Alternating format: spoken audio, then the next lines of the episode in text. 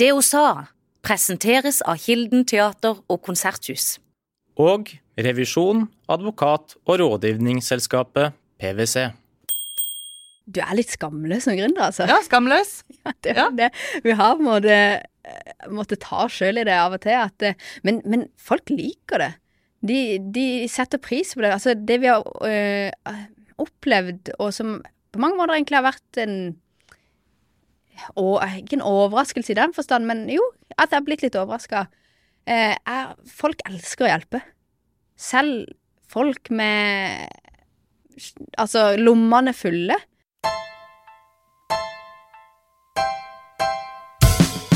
Amalie Eilertsen, velkommen til det hun sa. Tusen hjertelig takk. Og velkommen til alle dere som hører på. Gjesten i dag er utdanna sykepleier. Men det som får mest oppmerksomhet hos henne akkurat nå, det er en helt ny teknologibedrift som heter Nordsjord. Der hun er daglig leder og medgründer, kan vi kalle det det? Det kan du, vet du.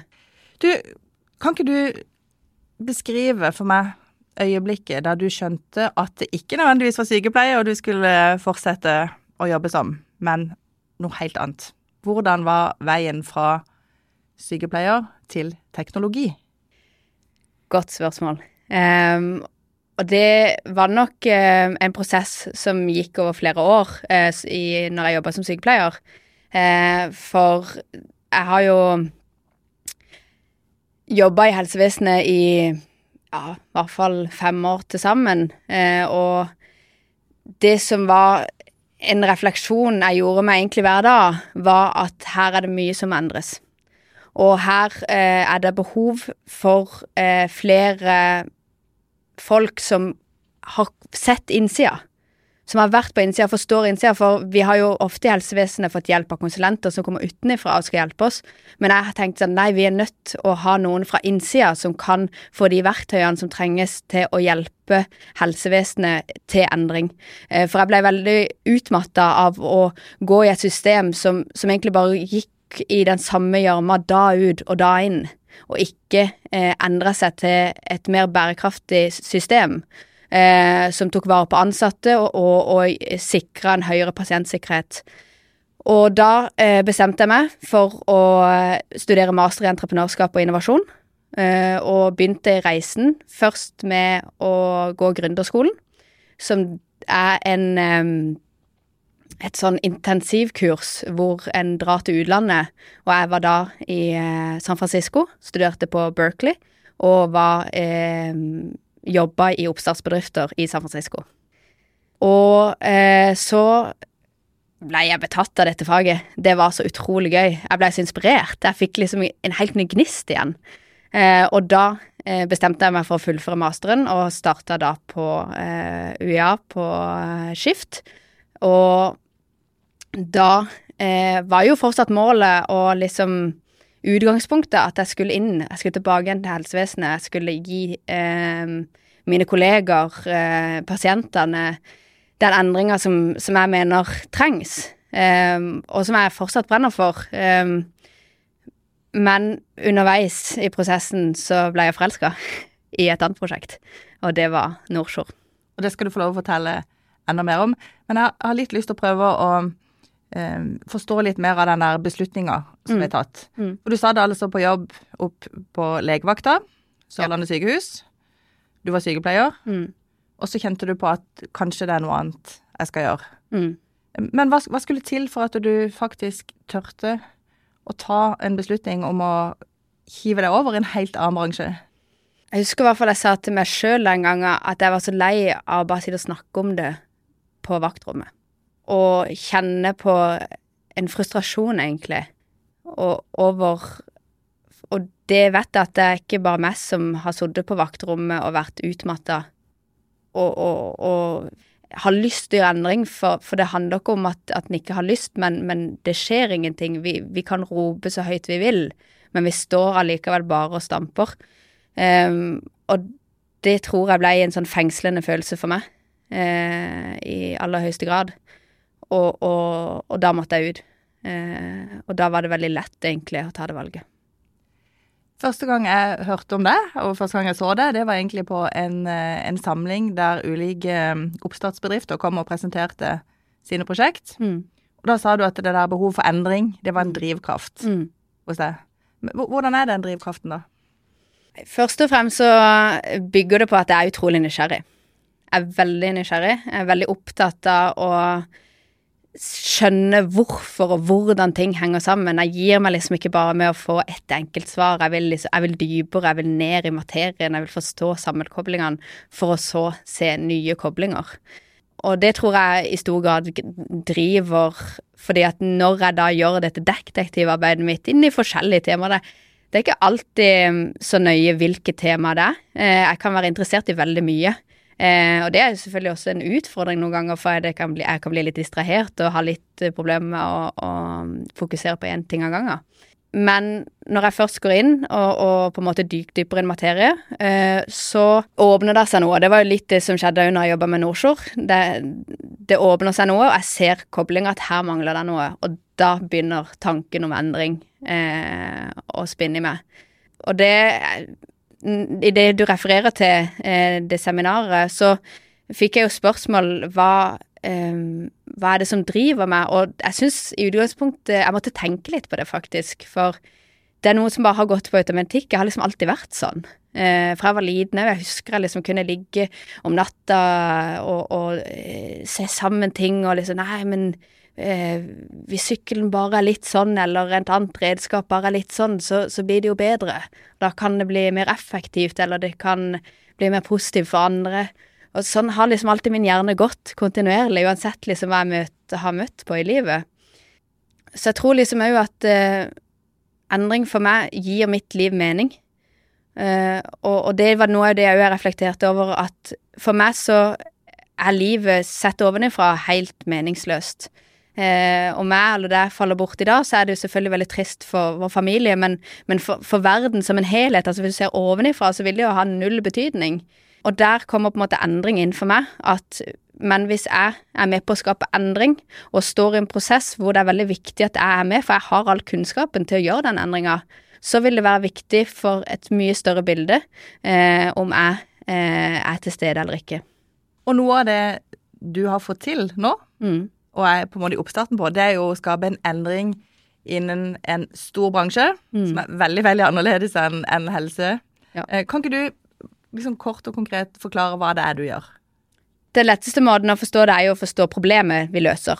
Eh, og de fleste sørlendinger eh, har jo en eh, liten skjærgårdsskip ute om sommeren. Og når du tar den opp igjen, så er den jo full av groe. Det er jo organismer som fester seg til skroget. Og dette fjerner vi bare på store skip. For når store skip får groe, så skaper det en bremsende effekt. Altså det skaper friksjon mot sjøen. Og det gjør at selv 0,5 millimeter med begroing kan øke drivstofforbruket med 25% Og dette kan jo direkte oversettes til en økning av klimagassutslipp på 25 i tillegg så er jo disse organismene, for eh, vi kjører kanskje våre skjærgårdsskipper eh, ja, til Lillesand, eller eh, kanskje noen våger seg så langt som til Oslo. Men disse skipene kjører jo rundt over hele verden og frakter med seg organismer fra forskjellige økosystem. Og da nytter det ikke å stå med sånn ei lita skrape Eller pusse vekk begroing. Nei, eh, det gjør ikke det, og da faller jo alle disse organismene ned i sjøen og bare kan spre seg fritt. Nå var det just eh, Jeg så i dag, så var det et eh, oppslag fra Oslofjorden hvor badegjester sliter nå i forhold til spredning av stillehavsøstersen.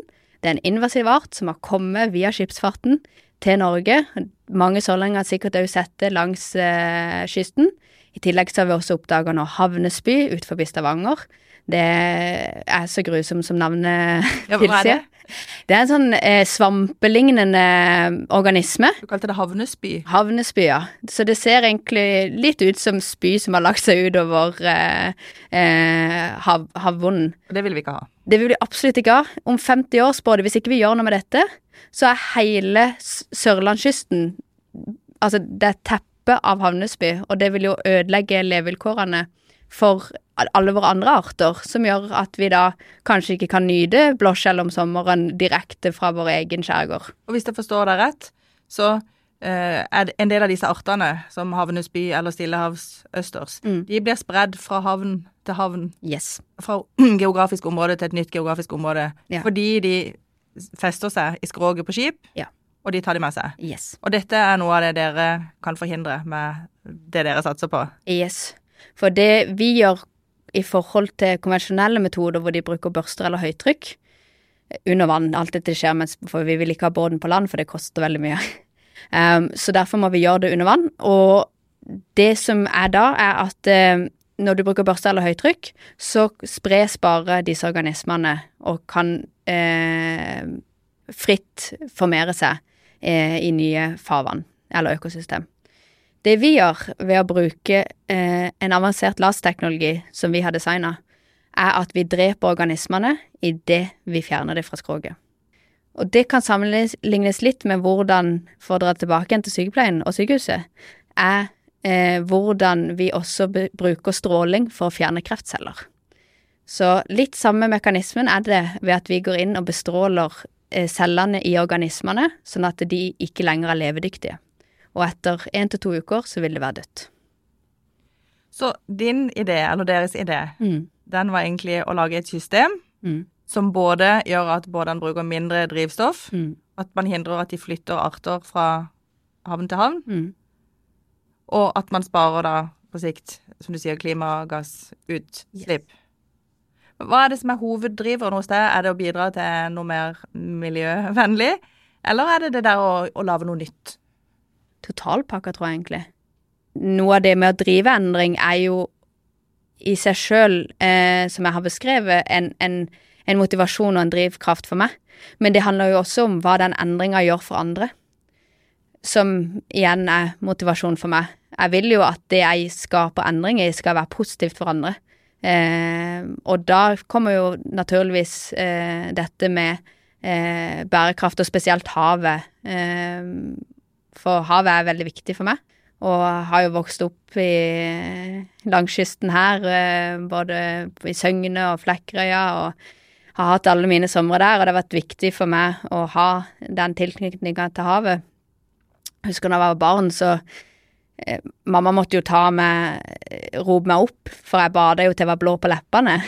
Eh, og har alltid nytt eh, havets goder med fisk og, og skalldyr. Um, så jeg ønsker veldig Altså, det er veldig drivkraft for meg å, å bevare havet og, og kysten vår. For um, havet blir er litt som et um, et lite barn av og til. Man sier at barn ikke har en egen stemme. Det følger av og til litt med havet også, fordi vi ser ikke hva som skjer under havoverflaten. Og da har vi en tendens til å ikke bry oss om det vi ikke ser.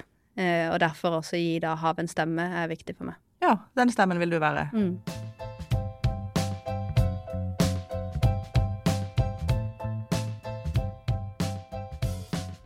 Du, for å få andre med på den ideen, for å få andre med på laget, Mm.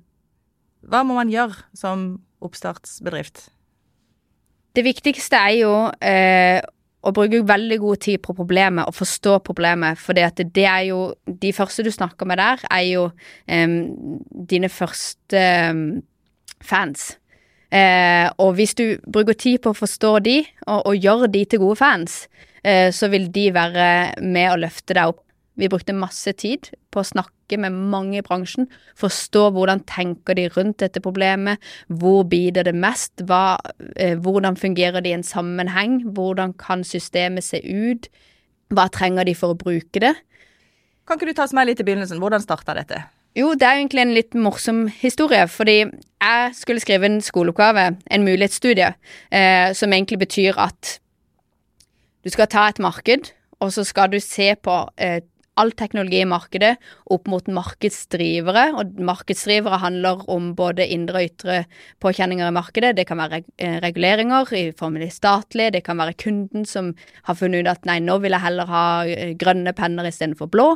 Så du tar liksom og samler et helt marked. Og så eh, skulle jeg det, og hadde, hadde ikke idé om hva jeg skulle skrive om. Ingenting. Så jeg tok kontakt med en professor, og så sier han du, begroing, eh, det, der er det noe spennende. Så jeg tenkte dette høres dritkjedelig ut. Hva er begroing? Ja. Ja. ja, liksom, er det et problem? Hva hva er greia med det, liksom?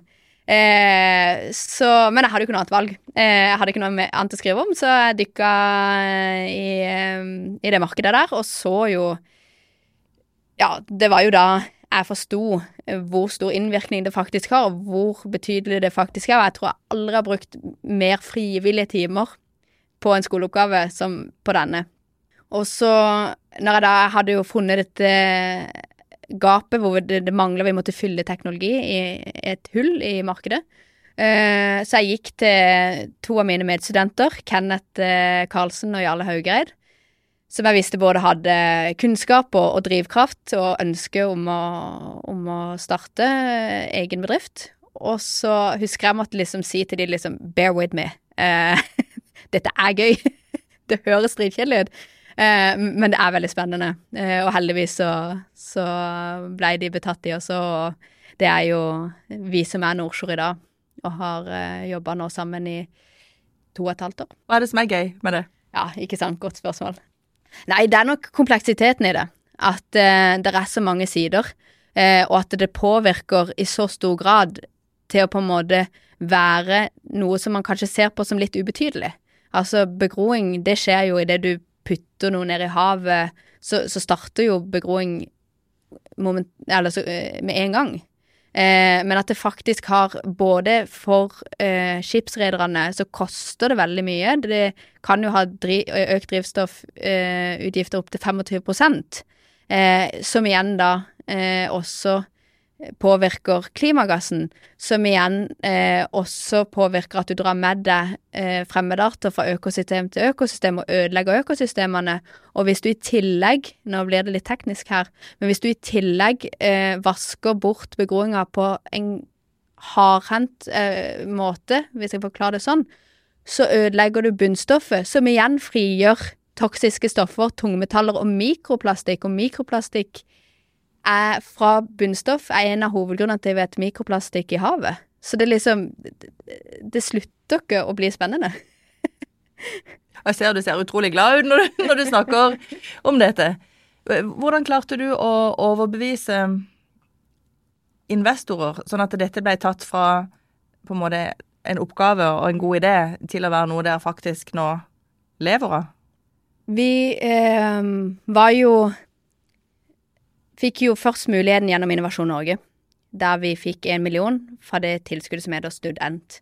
Eh, der handler det i større grad om å skrive en god søknad eh, og ha et eh, godt marked med et stort problem, og en teknologi som er innovativ.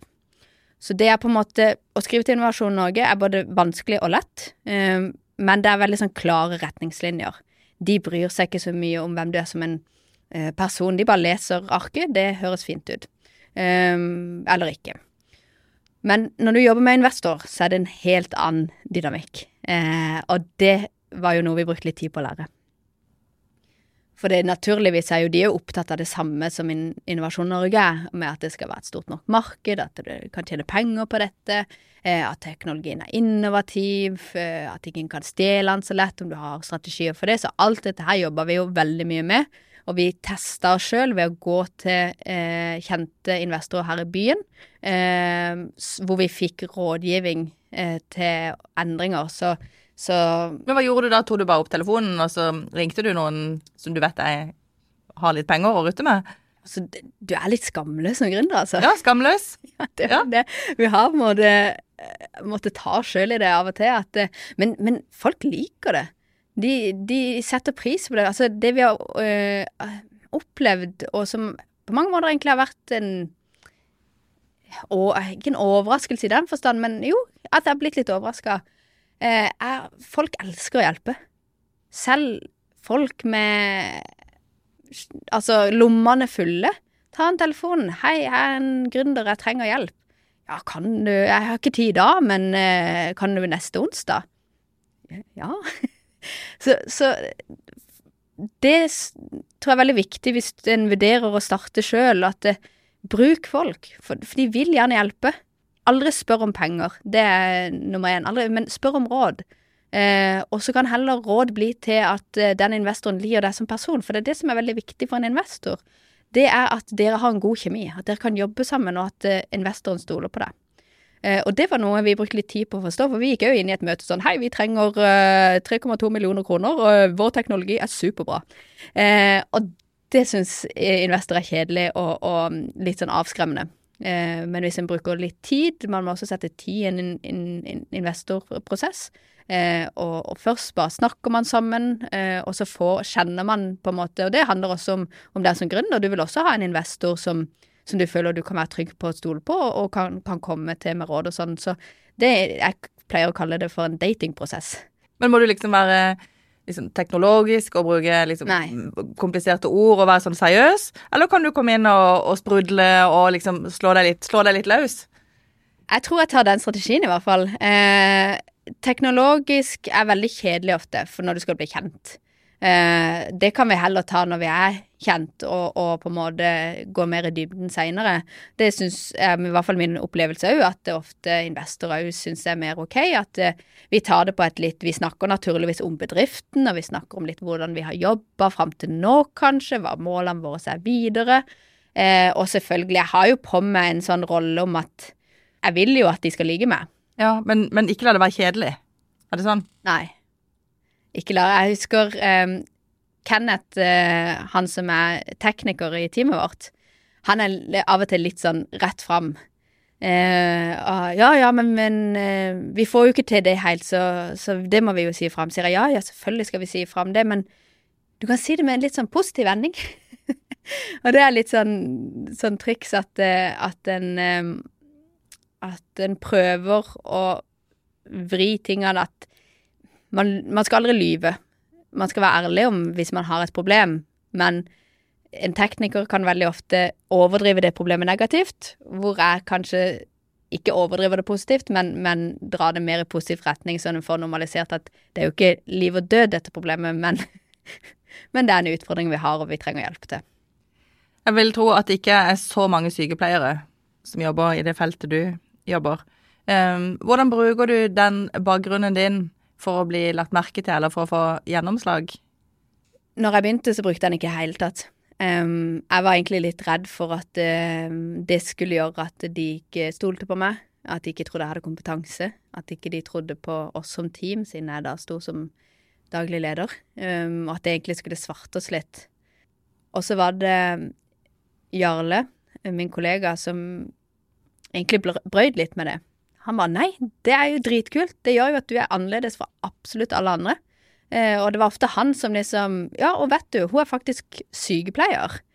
Og så fikk jeg ganske positiv respons på det eh, når vi var på forskjellige steder, ved at egentlig Jarle tok og så brøyt det ned for meg. Eh, og da ble jeg litt mer trygg i at jo, jeg kan faktisk eh, stå og si at jeg er sykepleier, jeg er ikke tekniker. Eh, men eh, jeg kan fikse dette. Du kan stole på meg. Da jeg hørte det første gang, så som, Eller kanskje jeg skal si den eneste gangen jeg har hørt det før nå. Um, da hadde du et bilde i starten av deg sjøl i bunad. Mm. Hvorfor valgte du det? Du skulle inn og snakke om begroing. ja. Um, nei, det er, det er, jo for å, for å være annerledes, for annerledeshet uh, stikker fram. Uh, og det var noe jeg lærte av en som er utrolig dyktig på å pitche. Jeg var på et kurs med han, eh, og han hadde de styggeste skoene du kan tenke deg. Og han gikk på scenen, han hadde kurset og sa ingenting. Fram til helt på slutten så den spurte han noen som legger merke til skoene mine. Og alle rakk opp hånda. Og det er grunnen til at jeg går med de. Så jeg tror jeg eh, gjør eh, Er litt opptatt av å bli Bruke andre metoder også på å bli latt merke til, og det, det er ganske lurt. I hvert fall når du er i en gründer og du må bli sett, på en måte, og ikke falle en, som en del av massen. For det, du er så avhengig av at noen ser deg og plukker deg opp og, og gir eh, av sitt nettverk sine råd, eh, sin kompetanse, eh, sine fasiliteter av og til. Så du må bli sett, og du må bli hørt, eh, og du må bli trodd, og du må ha folk som heier på deg. Eh, hvis ikke så sitter du alene på et kontor og ikke kommer noen vei. Så derfor eh, Jeg tror nok jeg valgte det bildet for at dere skulle huske meg. Kanskje vi rett og slett kan ta og vise det bildet etterpå i Facebook-gruppa vår. For det er jo et bilde som du da bruker som litt sånn kjennemerke. Ja. Mm. Det er jo også fra da jeg var gifta meg. Å ja. Det er jo kanskje også en grunn til at jeg, jeg vil vise det òg. Veldig stolt eh, av eh, den dagen. Men nå har jo det kommet der at dere ikke lenger bare har en idé på, si på Det er ikke lenger bare en idé. Nei. Nei. Nå er det noe dere skal ut og Nå skal det bli litt større. Mm. Nå har vi jo akkurat sikra kapital. Vært eh, Så vi har, eh, har fått eh, investorene vi ønska, og eh, de pengene vi trenger for å holde på i ett år.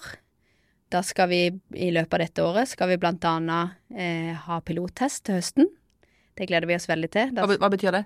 Eh, Det betyr at vi skal eh, plassere teknologien i sitt faktiske miljø, altså på et skrog. Det vi har jobba veldig mye med nå, er at vi jobber i lab, eh, og gjør masse tester i lab. Eh, for vi bruker en strategi som heter fail fast-strategi. Eh, og da gjør vi Simulerer vi alle mulige feil før vi bruker mange millioner kroner på å bygge et stort, dyrt utstyr. Men betyr det, for meg som ikke kjenner bransjen i det hele tatt, at jeg til nå ennå ikke har vært ute og prøvd det på et ordentlig skip? Det betyr akkurat det, ja.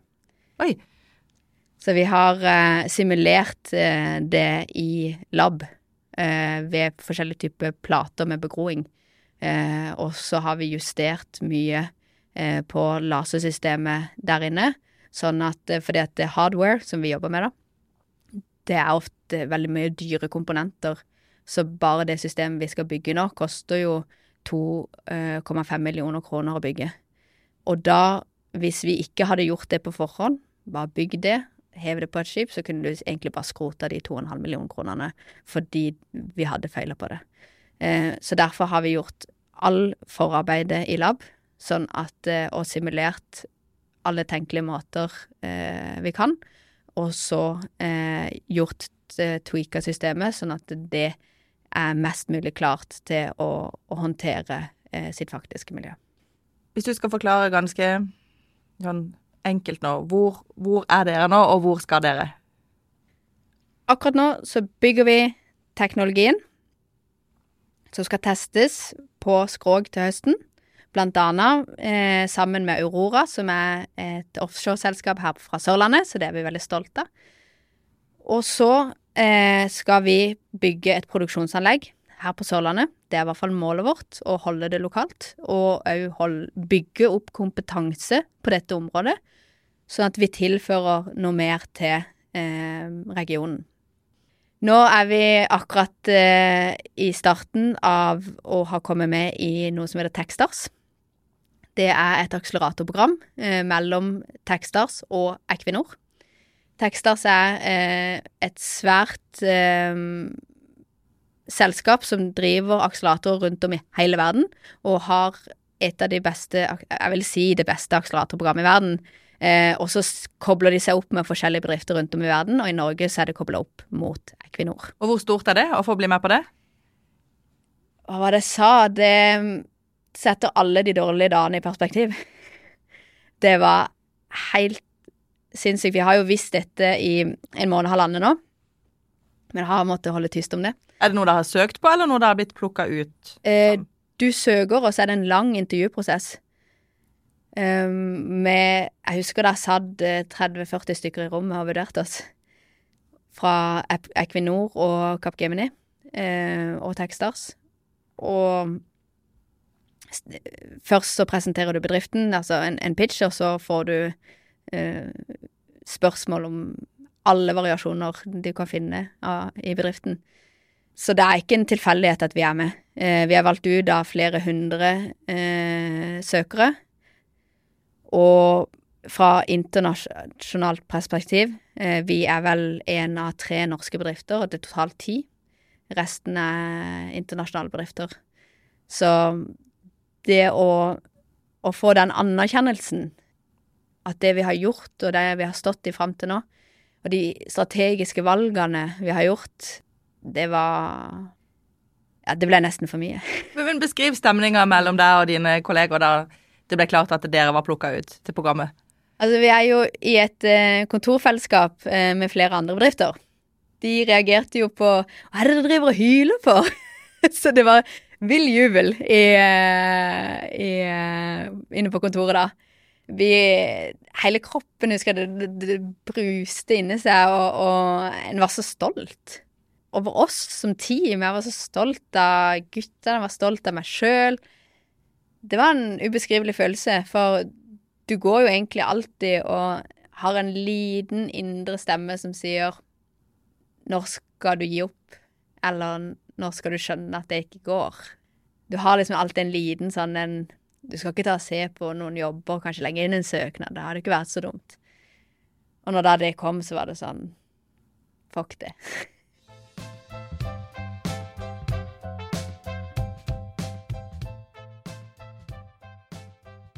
Jeg skjønner dere var vanvittig glad, og dette Mm. er stas. Mm. Men eh, du kjente litt på kroppen òg at det har vært en lang reise, for å si det sånn. At det har ikke bare vært lett. Hva, hva skjedde etterpå?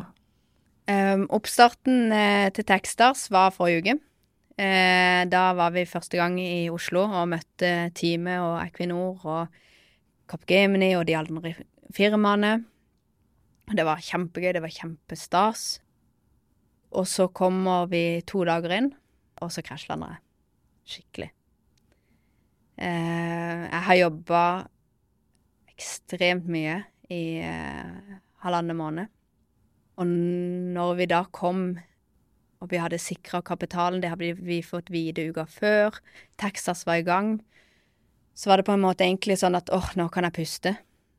Men det ble en motsatt reaksjon, så jeg lå på hotellrommet i flere timer i fosterstilling og skalv eh, og syntes det var vondt å puste. Adrenalinet bruste gjennom kroppen. Jeg var i krigermodus, selv om jeg overhodet ikke hadde behov for det der og da. Det var jo kjempebehagelig. Jeg husker jeg lå på hotellrommet og tenkte bare jeg vil hjem, jeg vil hjem, jeg vil hjem. Jeg vil hjem. Jeg vil ikke være med i Techstars. Jeg vil Jeg vil bare tilbake igjen før Techstars var en realitet. Um, og, og egentlig før vi fikk uh, til noen ting. Jeg vil tilbake til å være underdog. Jeg vil Jeg vil ikke være her. Og så gikk jeg med en god, lang tur. Det er veldig fint ute på Fornebu. Fikk prata ut med, med kona mi.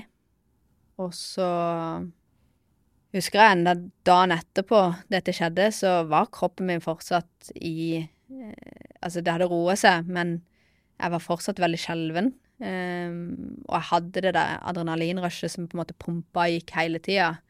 Var varm og kald om hverandre, og den dagen skulle vi jo da selvfølgelig pitche. Og det å gå fra da og egentlig har mest lyst til hjem, eh, til å stå foran alle og pitche, var jo en bøy. Så det jeg egentlig bestemte meg for, var at eh, Og det var veldig uvant, for jeg er ikke en person som pleier egentlig å vise følelser er den der eh, 'det går bra'-typen. Men så tenkte jeg jeg skal prøve en litt annen strategi nå. For det har jo ikke gått så bra til nå med den strategien å bare holde ting nede. Når jeg gikk opp på scenen, så begynte jeg egentlig bare, og det hadde jeg bestemt meg for, at jeg skal fortelle de åssen jeg har det. Eh, Så jeg starter egentlig med å si at um, Gotta tell you something, I have a crappy day today. Altså, jeg har en skikkelig dårlig dag. Og um, responsen etterpå var jo kjempefin. De likte, satte veldig pris på at jeg delte, at jeg var, var ærlig, og um, fikk mange på en måte støttende om at ja, vi står sammen i dette, og det var ganske overveldende på den sida òg. Ikke at jeg på en måte forventa det, eller at det var målet med å si det. Eh, målet med å si det var egentlig bare litt for at andre òg skulle skjønne at det var takhøyde for at de også kunne få lov til å ha en dårlig dag. Eh, men også at jeg vet ikke om jeg hadde klart helt å gjennomføre pitchen hvis ikke jeg hadde sagt det. Men hvis du skal ta meg litt inn i det rommet, mm. hvem er det du snakker til der? Står du på en scene? Er det sånn? Hvordan foregår det? Ja, altså det er jo ikke ørten eh, Altså det det er jo ikke fullsatt sal, eh, for dette var en, en markup, altså en, en, en trening vi skulle gjennom før vi skal eh, i slutten av programmet. Men det er viktige folk, dette, for dere, som du skulle snakke Ja, til? det er, det er jo Altså, det som er viktig, er jo at, å gjøre et godt førsteinntrykk. Mm. Eh, for vi skal jobbe videre med pitchen, og det er en del av programmet. Men det er jo veldig bra å sette barna Jeg syns det er veldig gøy å pitche, eh, og jeg har eh, veldig interesse for det og tweaker på småting. Jeg, er litt sånn kleint nøye på hvordan jeg står. At eh, stemmen min skal være i variasjon. At ikke det er på en måte For jeg har veldig mye energi, men det er veldig tungt å høre på noen som på en måte gir all energien hele tida. At du liksom aldri varierer noe i stemmeleiet. Men, men hvordan klarer du å øve på det? Har du noen som går gjennom det med deg, eller hvordan gjør du det? Både og. Jeg har eh, folk hjemme som jeg viser det for, og, og for gutta mine på kontoret. Eh, men jeg gjør veldig mye sjøl, og jeg har jo spilt veldig mye teater eh, som barn. Eh, jeg gikk på Vågsbygd eh, på dramalinja. Ja, så det bruker du inn. Ja, så jeg bruker mye av det. Eh, og der er jeg jo veldig vant til å måtte eh, jobbe med meg sjøl i karakter. Så på en måte bruker mye av de tingene da inn når jeg pitcher, eh, og hører lett at ok, nei, nå høres det litt masete ut, og nei, her må jeg legge trykket, og jeg er jo veldig nøye med ordene jeg bruker. Jeg syns ord er veldig viktig, og at, eh, og at alle har en Ikke alle, du kan si er og jeg innimellom der uten at det skal ha en unødvendig stor betydning, men, men at de, de ordene du velger i setninga di, de gir en, en klang, og de, de gir en helhet, og at, det, òg du har en fin rød eh, linje og, eh, gjennom hele teksten, at det, som publikum så kan du på en måte være med fra start til slutt, eh, men du kan også komme inn midt i. Så på en måte er det en slags opptreden Mm. du gjør. Ja. Og hvis jeg forstår det riktig, så har den måten du er på, måten du har jobba med presentasjon på Mm. hele veien, Mm. faktisk hatt en betydning for at det har kommet der det har kommet. ja, det tror jeg. Ja, Så det har en god idé, men det har også hatt en god måte å presentere det på. Det tror jeg absolutt.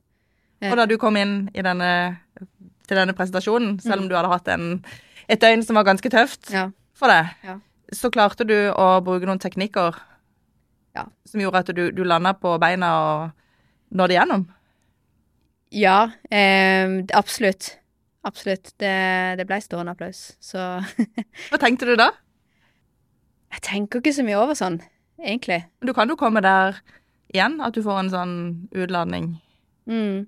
For meg var det mest imponerende at jeg turte å si det høyt. Det var det som pitchen etterpå. Det, det er min arena, det. Så det syns jeg ikke alltid er så Jeg kan være nervøs eh, før en, før en pitch, for jeg vil at det skal gå bra, og, og jeg vil på en måte at det skal bli bra, men, men når med en gang jeg står på scenen, så på en måte Da er jeg i det, da er det sånn er på en måte oppslukt i det, da, og, og føler ikke på noe rundt, jeg bare er i det øyeblikket. Um, så akkurat pitchen gikk veldig bra, men, men det var det å manne seg opp til å faktisk si det foran alle andre. Det var, det, det var der jeg syns at um, jeg imponerte meg sjøl, da. Og trødde over um, Ja, eller ja, gikk lenger enn jeg noen gang har gått, da, i forhold til å si det så åpent til fremmede, og for så vidt si det og snakke om det her i dag også. Du Amalie, hvis du skulle inn og snakke til en gruppe gründere Mm. som gikk med mange ideer om ting de hadde lyst til å starte opp, Mm. hva, hva ville du begynt med å si til dem? Ja, um, jeg har jo Det har jo vært eh, faktisk eh, noe av jobben min. Jeg har jo jobba på UiA Nyskaping som eh, mentor for eh, studenter som vil eh, drive med oppstartsbedrifter. Det som jeg har veldig fokus på, og som ikke kan bli sagt nok, og som jeg også har gjentatt for så vidt eh, i dag også, er problemet. Jobb med problemet. Løsninga er ikke alltid det vanskeligste. Når du sier jobb med problemet, det betyr at man tar utgangspunkt i at det er et problem som Ja. skal løses. Problem eller et behov. Ja, et problem eller behov. Mm. Mm. Og selv om du skjønner at ja, eh, der er et problem her, så dykk dypere. Forstå, altså du skal kunne snakke om dette og forstå dette problemet bedre enn noen andre. Du trenger ikke forstå hele bransjen, men bare akkurat dette problemet skal du kunne best av alle for å kunne forsvare hvorfor du har den beste løsninga. Og det kan du vel det, Du trenger som regel ikke å overbevise folk om løsninga di, så lenge du kan overbevise dem om at ja, det er et problem, det er noen som vil kjøpe det, og du kan dette problemet best. En ting til. Aldri start med pris. Ikke selg på pris. Det er bare dårlige produkter som selges på pris. Det kan godt være at det ender med at ditt produkt er billigere enn andre produkter på markedet, men det er ikke hovedgrunnen til at folk skal kjøpe det. Du har et produkt som svarer til et reelt problem, så er det et godt produkt som ikke trengs å selges på pris. Nummer tre, som jeg ser veldig ofte at gründere har en tendens til å gå i, det er en sånn, egentlig en liten beskyttelsesmekanisme, men den har helt motsatt effekt. De sier at vi har ingen konkurrenter. Ingen konkurrenter? Ja. Mm. Eh, og det er veldig dumt å si. Uh, for enten så har du virkelig ikke konkurrenter, men da har du heller ikke et marked. For uh, i et marked så finnes det alltid konkurrenter. Og uh, ofte så er det sånn at konkurrenten kanskje ikke ser helt lik ut som deg. Og derfor så tenker du ikke på en som konkurrent, så, for du tenker på løsninger, du sammenligner løsninger. Ja, men min løsning er ikke lik som den. Nei, men dere løser samme problem. Der er jo for eksempel eh, e-post er jo en konkurrent til Posten. For de løser jo samme problem. Eh, men du tenker kanskje ikke på de nødvendigvis. Du tenker kanskje Posten og Bring som, som konkurrenter, men e-post er også en konkurrent til Posten. Eh, så en, en, en, har alltid konkurrenter, og det er positivt, fordi da finnes det et marked. Og så en siste. Lytt til andre. Oppsøk, snakk med andre. Lytt og vurder. Veldig mange vil gi veldig mye råd, så du kan ikke ta inn over deg alt. Og du, du kan ikke bruke alt, for alt er ikke tilpassa deg. Men hvis tre stykker sier det samme, så gjør du endringer. Du Amalie, hvilke nettverk har du benytta deg av for å få til det du har fått til, og det dere har fått til? Vi har jo generelt sagt ja og gjort alt eh, som har noe tilknytning til det vi jobber med. Vi har brukt nettverk her på Sørlandet veldig mye, spesielt eh, GC Node. Vi har også brukt eh, Kristiansand Næringsforening. Vi har brukt Innoventus Sør. Vi har brukt eh, Maritimt Forum. Vi har brukt Rederiforeninga. Og vi har vært der. Vi har vært veldig opptatt av å komme på arrangementene de arrangerer, som har noe tilknytning til det vi gjør. Møte folkene, sette oss ned. Av og til Vi har vært på svære messer. Eh, hvor vi har reist rundt i Norge. Vi er, vi er jo naturligvis på Nordshipping. Det er jo eh, tidenes høydepunkt for de som er i, i shipping. Og vi har sagt ja og gått med. Hvis noen bare har så vidt sånn Jeg lurer på om det kunne passe for dere å komme inn her. Ja, men vi er der. Og eh, på noen av de mm, arrangementene så må jeg jo på en måte av og til trekke pusten og liksom bare OK, nå skal du gå hen, og så skal du snakke med han eller hun. Det er jo ikke sånn at det alltid faller naturlig for meg å gå hen og nærmest avbryte en samtale. Men det gjør du? Men det gjør jeg. da kommer du hen og rekker frem hånda og ja. sier jeg er da Amalie Eilertsen, jeg jobber ja. med Nordsjå. Nå skal dere høre. Ja. Åssen er reaksjonene da?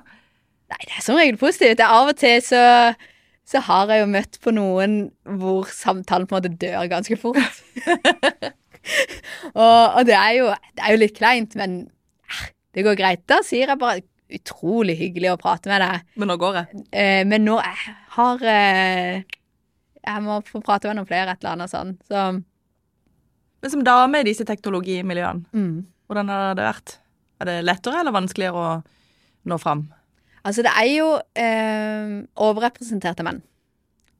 Jeg har jo ikke, mer, har ikke, noen negative opplevelser med å være kvinne. Eh, aldri hatt noen negative opplevelser i forhold til å bli mindre trodd eller eh, føler at jeg må streve for å bli hørt eh, som kvinne. Overhodet ikke.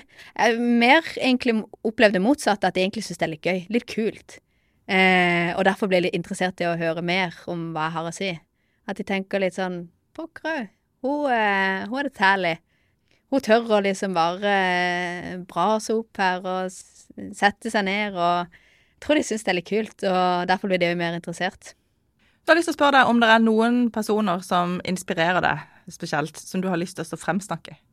Det jeg kom fram til, at jeg veldig gjerne vil fremsnakke min styreleder i NPF Sørlandet, som heter Siri Eide. Hva er MPF Sørlandet? Det er Norsk Petroleumsforening Sørlandet, hvor jeg sitter i styret. en eh, Noe mer som også driver med på fritida. Siri er jo da styreleder. Hun jobber også i Vinje-industri, og grunnen til at jeg vil trekke fram hun, er at uh, hun har en fantastisk evne til å heie fram unge mennesker. Hun har blant annet gjort det mye for meg, uh, og det har jeg satt veldig pris på. Uh, hun har gitt meg motivasjon, men hun har også eh, tatt tak i meg og sagt liksom Kom an, du eh, stiller opp der. Og òg snakka, på en måte fremsnakka meg til andre eh, i bransjen. Eh, og så vet jeg også at hun gjør dette på arbeidsplassen for de unge sin, der hun jobber. Eh, og det syns jeg er så utrolig kult, og jeg syns vi trenger flere sånne mennesker. og Derfor vil jeg framsnakke Siri. Hvilket ord og uttrykk kunne du tenke deg at vi bare kvitter oss med? Ingen. Ingen? Nei. Eh, jeg syns egentlig at eh, At ord betyr noe, som jeg har nevnt, og at eh, det er eh, heller vi som av og til gir ord en mening som den kanskje ikke har. Og så misbruker vi det. Og det kan vi ofte slutte med. Eh, men jeg synes, er det noe jeg syns eh, vi kan bli bedre på, er jo heller gi unge jenter Altså beskrivende ord som som ikke er prinsessa mi, eller at du er bare skjønn. Men og jeg har ei niese jeg er veldig opptatt av at, eh, at si til henne du er sterk, du er tøff. Jeg syns det er veldig viktig. Jeg syns det er noe jeg vil heller si at vi skal ha mer fokus på. Og, og fortelle jenter at de også kan ting, og de er, de er ikke bare søte og, og prinsesser og yndige. De er kule og sterke og det vil jeg heller at vi skal si mye mer av. Har du et life-? Hva har noen life hack? Har du et? Lifehack. Har du et lifehack? Apropos ord. Ja, apropos um, Ja, jeg vet ikke om det er et life hack, men hver morgen så ønsker jeg dagen velkommen. Veldig ofte så går jeg til vinduet og så roper jeg 'God morgen, Norge'. og så, når jeg kommer inn på badet, så sier jeg til meg sjøl Vet du hva, du er ganske rå. så da har jeg en god start på dagen. Det syns jeg er viktig. Amalie Eilertsen, tusen takk for at du ville komme til det hun sa og fortelle om Nordsjord og dine fremtidsplaner, og ikke minst hvordan det har kommet dit dere er i dag. Tusen hjertelig takk for at jeg fikk være her. Du har hørt på Det hun sa av Federlandsvennen. Følg oss på Instagram og meld deg inn i Facebook-gruppen vår. Der kan du foreslå en gjest du har lyst til å høre i neste episode.